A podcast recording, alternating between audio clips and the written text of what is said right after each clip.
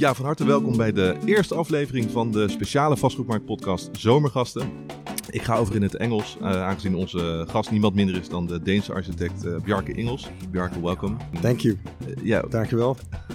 Tak in huis. uh, yeah, we're here at the Sluishuis, um, one of your uh, designs in, in, in, the Netherlands. I think you're first in the Netherlands, right? Absolutely. Yeah. And the series is called Zomergasten. Well, people will be listening this uh, on the boat, or maybe on the beach, or maybe they're climbing a mountain. I don't know. If I may ask, what what was your favorite summer, if you can, uh, can recall? Yeah, I, th I think maybe. Uh, I mean, it's a it's a it's a tough uh, tough battle, but I think when I was uh, when I was a very small child, um, my my grandparents uh, they had um, an allotment garden Yeah. next to the moat around Christiania. Yeah. in, in downtown Copenhagen, this Yeah. uh, former navy yard that became the hippie commune. Yeah, yeah. And and these allotment gardens are, you know, like a tiny, twenty-five square meter uh, sh- shack in a in the sort of probably the most biodiverse uh, over gardened garden Mhm. that you can imagine. Normally, they were living in a in an apartment, All right. and my parents would basically drop me with uh, all my cousins for like a week or two. Yeah. Uh, and even though it was in the middle of the city, it was also, you know, surrounded by you know Christiania and the island of Amager, and um, and I think maybe because of my size uh, at the time, that whole world of allotment gardens, because it's basically these working class families that realize every fantasy they ever had Mhm. in a, in a very small piece of land. Small piece of land. Yeah. So, and uh, I, I think those were like uh, incredible summers, and they felt like for, forever. Yeah, uh, yeah. After two weeks there, Those are the best summers, aren't they? yeah. And did you take this experience also uh, into your work later on? Yeah, I mean, I, I think I think there is something about the allotment garden, and I think it's it also coincides with Dutch. I think uh, Dutch mentality is uh, that exactly this this idea that on a very small piece of land, uh, you are you somehow have a license to realize every single fantasy you have. hmm and then the neighbor has a completely different fantasy. Exactly. So Yeah. one of them was obsessed uh, with like Chinese stuff. So there was like these kind of Chinese gates. Uh, some people had like this kind of uh, abundance of birdhouses. Uh, so like, uh, and and of course everything was self-made. Mhm. So also a lot of the a lot of the houses, like the wi- the windows and the doors and the roofs, whatever, came as salvage things from uh, from somewhere else. So uh, it, uh, it it somehow became this idea that everything was possible. Yeah, yeah. yeah. Um, And and this is something I think uh, you you you have taken into into your work, right? You you you see uh, a building when you're designing a building, you don't think in limits, or you think everything is possible, and uh, why not uh, make a ski slope on uh, on a nuclear plant, right? No, exactly. I think there is this, uh, you know, you, the the Danish word for design is formgivning, Formgiving, uh, which is basically like formgiving. formgeving, yeah, it's sometimes it's the same. There's uh, a lot of similarities. Ex- think, ex- yeah. Exactly. Yeah, we can do this in Danish as well. no, no, no, natuurlijk, met plezier. Yeah, Uh, you lived in the Netherlands, right? yeah, I, I lived here in, uh, Rotter- in Rotterdam. un- until 2000, uh, until November 2000, Yeah, uh, for Because- like a year and a half. you've been working for uh, for uh, Rem Koolhaas. Yeah, exactly. Yeah, So uh, I mean, it, it just so happened I, I spent all my time working on on the Seattle Public Library. So yeah. so I like to say that the only Dutch person on the team was actually Rem. so, so uh, but uh, but I, I picked I picked up a little bit of uh, of the Dutch phonetics. Yeah, yeah. But uh, but um, but but this idea that because to to design something formgeving Mhm. to design something is to give form to that which has not yet been given form. In, Exactly. in other words, to, to give form to the future. yeah, Because when you're designing something, you are giving form to the world, or at least a corner of the world, a little part of the world Mhm. that you would like to find yourself living in in the future. Mhm. And and I think, uh, I mean, obviously, uh, Ho- Holland is a, is a great uh, example of the whole country is. Is, is giving form to something that wasn't there without course. all the dikes and Yeah. the sluices, yeah. and uh, and I think um, This country shouldn't even be here, right? No, because no. The, the sea would have taken it already. If we, It- if so if, if someone had not designed it or, Exactly. or given it form, it, it wouldn't exist. And Yeah. and, I, and I think the same. Um, and I think actually Sluishuis, our, our first project here in, in Holland, uh, is something that would be hard to imagine realized anywhere else than in Holland. hmm Why, it's- why is that? It's because there is something about the Dutch mindset of um, sort of uh, if you can think it, you can also make it happen. Uh, I think in in a Danish context, it's it's way too bold. It's it's way too sort of. Uh, um, sort of, sort of strong an idea like ima- imagine like it, of course it's a simple it's a simple idea in, in a conversation. You say you have a a square perimeter block with a courtyard in the middle and then you push down one, one cor- corner so the sun can come in and people can climb the roofs and the terraces. Mm-hmm. And you lift up the other corner so that the, the port can come in and people can actually sail a boat all the way into the courtyard and the courtyard becomes a marina Yeah, exactly. so that's uh, very simple that's what you have done here, right? It's that's nice, that's yeah. exactly what we've done here, Yeah. and uh, of course, deceptively simple in in speech, yeah. but pretty uh, pretty bold and acrobatic to realize. Why would it, why would I, I, I think there's a lot of similarities between uh, Denmark and Holland. Why why is this typical Dutch then? Why is this something in Denmark you you shouldn't build uh, build something like this? yeah, but I think it, like maybe the the, the, the gravity defying aspect of it. Mm-hmm. Uh, I, I would say um, Slicehouse has some some Scandinavian cousins in uh, in some of the work we've done in Copenhagen. We did a building called the Eight House, where you can walk and bicycle to the roof, and we did a building called the the Mountain, where all the homes are houses with gardens, and and Slice House has aspects of that. But this kind of gravity defying idea of lifting up the entire courtyard so that boats can sail into uh, into the middle of the building.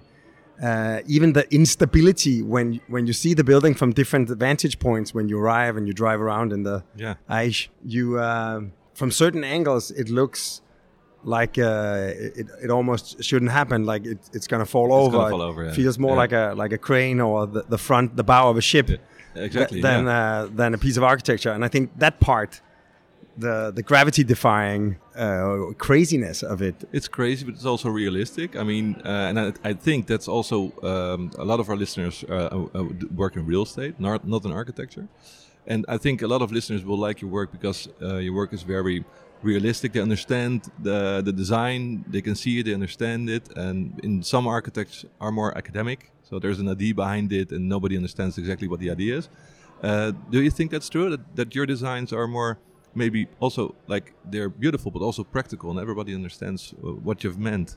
Yeah, when, no, you, I mean, I think- drawing it. I, th- I think one one way to explain design and architecture is to call it practical poetry, right? That Yeah. you you you try to resolve all the practicalities of everyday life in the most poetic way possible. Mm-hmm. But but al- but also this this idea that we, we like we like design to be performative, that we do something because it does something, that the building looks different because it performs differently.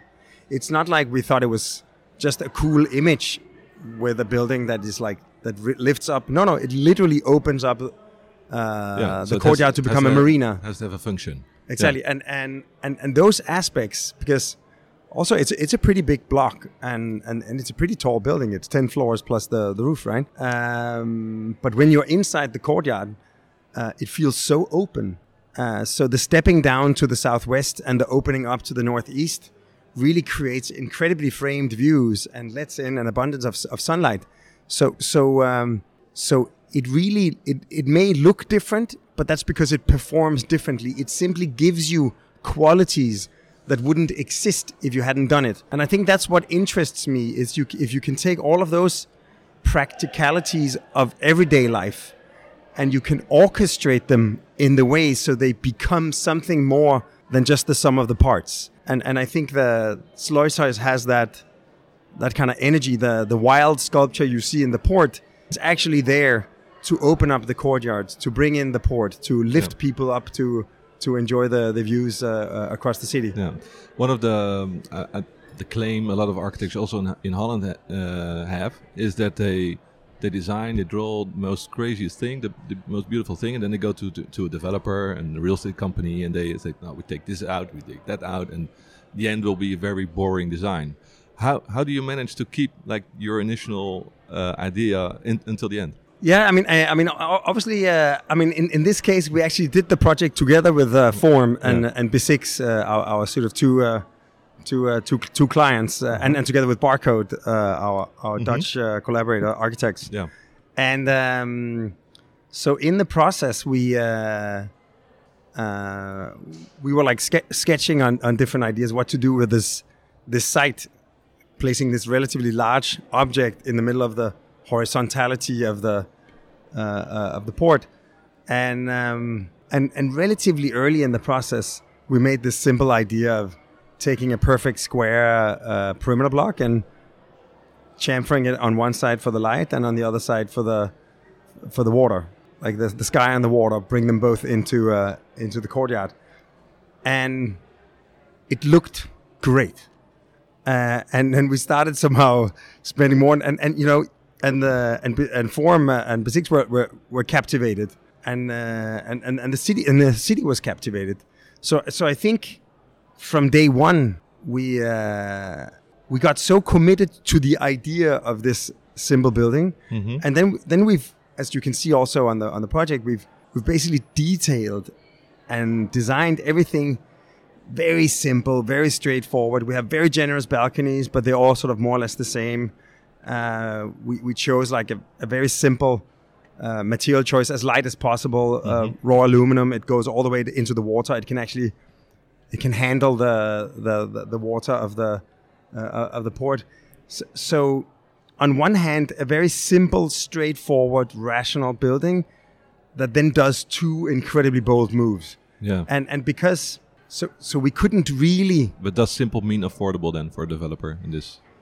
yeah yeah like I, sense. I, I think that, that, that there is an incredible amount of rationality and repetition in the project. But when you see the building, you're not thinking ah they just took took a standard solution. Yeah, they cut the costs. And, uh, no, exactly. yeah. But but Yeah. but we are actually, in a real sense, doing something, taking a lot of ordinary, everyday things, and creating something extraordinary out of them. Yeah, is this, is this the secret then? Because um, then you should tell everybody also in, in the Netherlands. Because I, I live in Rotterdam, you lived in Rotterdam. Uh, the city is famous for beautiful architecture, but still, ninety percent of the buildings are quite boring and and, uh, and ugly. And I think if you see something like this, this it, it shouldn't be that that boring and ugly, don't you think? And um, but also I have to say, uh, why, why is that? no, but I, I think uh, I mean I, I think one one, uh, one reason is uh, is that it's incredibly difficult to uh, to to create something extraordinary out of the ordinary. Uh, I mean, it's a bit. You can say we we, uh, we designed the restaurant Noma in uh, in Copenhagen for René Redzepi, the um, the incredible chef yeah, and um, and and of course, of course, you can. It's easy to make very tasty food if you have only uh, jamon de bellota and and like foie gras and, and you know caviar or whatever. Um, but to take incredibly ordinary things, and I think one of the things that Rene has has done amazingly, he's turned his eye towards the the flora and fauna of of Scandinavia and the north, hmm and tried to take these like very everyday plants and, and everyday animals and everyday f- uh, fish and, and other kinds of seafood and and show you that you can actually make the best the best meal on earth using very very everyday uh, materials. And and I think we, we're in a way trying to uh, to do something similar that to uh, to take the components of the everyday and turn it into something more celebratory yeah, yeah. So you're like the the, the Michelin star chef of, uh, of architecture. And uh, one of the another like a theme is very important, I think, for you and in your work is sustainability. Uh, and and uh, uh, there are also some critics who say, well, if you want to be sustainable, don't build anything at all. but I, I don't think you're not uh, on that approach. You, you build a lot. Uh, a lot of work. Uh, Yeah, but also also try to survive a, a winter outdoor in uh, in Denmark, and, and you'll start building pretty start soon. building so so, uh, uh, what's your vision on, on the on the future of sustainability then, and and, and buildings? No, but I, I think Or- um, Or is the future here already? You think? yeah, like I think um, actually the first project we ever did um, twen- twenty years ago, exactly, pretty much exactly to the date, we opened uh, Mhm. the Copenhagen Harbor Bath. Yeah. uh, and uh, you know it, it was it was because the, the the port investments had been made into surface drains, so the, the the the rainwater was just not flushing into the port, and because it went into the sewers. Like very quickly, the port of Copenhagen became so clean you could swim in it. And and when it opened, there was like this kind of expansion of the public realm into the water. You could see Copenhageners that didn't have to drive for hours to get to the beaches on North Zealand. They could literally jump in the port in the middle of uh, of the city. So it was clear that the the the clean harbor is not only nice for the fish; it's amazing for the citizens. Uh, and we thought maybe this is a general idea that uh, the sustainable city or the sustainable building is not only great for the environment; it's also much more enjoyable for the people living in it. Yeah, exactly. And um, and I think, for instance, like here in, in the Slice House, if you take a, a promenade up the, the stairs along the, the terraces with people's gardens, Yeah. uh, I actually coming down, I saw like some of the local kids that have moved into the Oh yeah. into the neighborhood already. They were like running up the stairs, Yeah. like complaining in, in Dutch about their burning legs. Uh, which you you do uh, you did get some uh, some some mountaineering exercise here that's hard to find in Holland otherwise. Yeah, exactly. Yeah. But yeah. but but up there you have this beautiful promenade and a, and a small park on the on the tipping point where the Yeah. you're really overlooking the port. But behind you, the entire roof is covered in the photovoltaics, uh, organizedly or neatly and beautifully, like like a Dutch uh, like a Dutch solar farm would be, or like uh, the the greenhouses when you land in Schiphol, you look out over this kind of sea of Yeah. of glass. And um, and and essentially, I think that the trick is to find ways uh, for people to realize that the sustainable future is not only a must do or like a has to do or we really ought to do, but it's going to be much more enjoyable uh, once once we get there. So, um, for instance, like in in, Co- in Copen, uh, Copenhagen, we created Copenhill. It's the cleanest waste to energy power plant in the world. Uh, it's so clean that we could turn the facade into the tallest climbing wall, the tallest man-made climbing wall in the world, and, and we could turn the roof into an alpine park where you can hike and ski. You can ski on the roof. Yeah. So, so it becomes it becomes obvious to um, to people that clean technology, in this case, the steam that comes out of the chimney, is actually cleaner than the air of Copenhagen. Yeah, yeah. yeah. That that that clean uh, steam is not only a great asset that you can celebrate in a pamphlet, yeah. but it's it also means that the the building actually becomes a, a kind of new man-made bedrock of of, of Copenhagen. yeah. Um, may, maybe one of the most fun and exciting places in the city. Yeah, and still, I think in, in when you were starting with your work, I think you found you had some difficulties to make it profitable. I mean, you, you had like this very nice sustainable ideas, but it was hard to find people who want to, wanted to pay for it. How did you change that? Now there's there's a lot of developers, people want to real estate people want to work with you and make it sustainable as well. Yeah, where, like where was the tipping point? How, like, what did you change? Yeah, I mean, I think uh, uh, maybe the biggest part of the answer is that I think the world uh, has changed. Okay. I think there is a, a great desire uh, from from from all sides to uh, to do the right thing and to do the, the right thing as much as possible, right? Yeah. So, um, I mean, for instance, like in the last two years, we, we, we created a competition. We were in a competition uh, for designing the, the the new main airport terminal of Zurich Airport, and uh, it, it, it, it, we, won the competition. It's going to be the largest uh, wood building, like timber building, in, in the world uh, by a factor three or something like that. And uh, when we started it, it was a bit on the radical uh, side and, and a bit on the sort of uh, edgy. Like, can you really do an entire airport entirely out of timber, like columns, beams, floors, like ceilings, everything? Uh, it, it's, it's it looks like a gigantic Swiss uh, chalet, you know, like. Yeah. But but uh, but in those two years, the kind of certainty about the need to lower the carbon footprint. Also, the entire roof is tiled in beautiful uh, Swiss photovoltaic tiles, uh, powering two thirds of the of the building. Um, in in the process of of doing it, it became more and more like less and less radical in a way, Yeah. and and more and more an advantage. So what what once was radical now it's being become main, mainstream maybe. Yeah, I, I think there's definitely uh, Yeah. a, a, a, a change happening, and I Yeah. think for, for the better. Which of course also means that if your if your self understanding is associated with innovation, Mm-hmm. then you have to keep uh, you have to keep pushing the boundaries. Because I mean, I, I actually normally explain this to people that the standard solution doesn't become the standard solution because it's bad. It becomes the standard solution because it's incredibly good. It was the best solution probably, yeah. At, at some point. Yeah. and that's why we repeat it. So that's why we have to set new standards all Yeah. the time, so that they can become the standard that will eventually be beaten by a new standard-setting way of doing things. So so you can say as as for, form givers, we have to just keep se- setting new standards. Yeah, that's right. I think they're staring at us. We have to wrap up, uh, but there's only one theme I want to uh, discuss with you briefly, and it's the it's another big topic. The climate is a big topic, but in Holland, and I think also in Denmark, is is housing, affordable housing. Um, you travel a lot. Uh, you've seen everything in the world. I think. What's your What's your view on affordable housing? And maybe you can give us one or two like solutions, or, or what do you think governments should do to uh, tackle this problem? I mean, um, it's a great question, and, and of course, it's, it's it's one of these questions that where the, the, the market keeps keeps raising the bar, and, and the market forces keep sort of somehow flowing in and making it very difficult to to, to answer that question.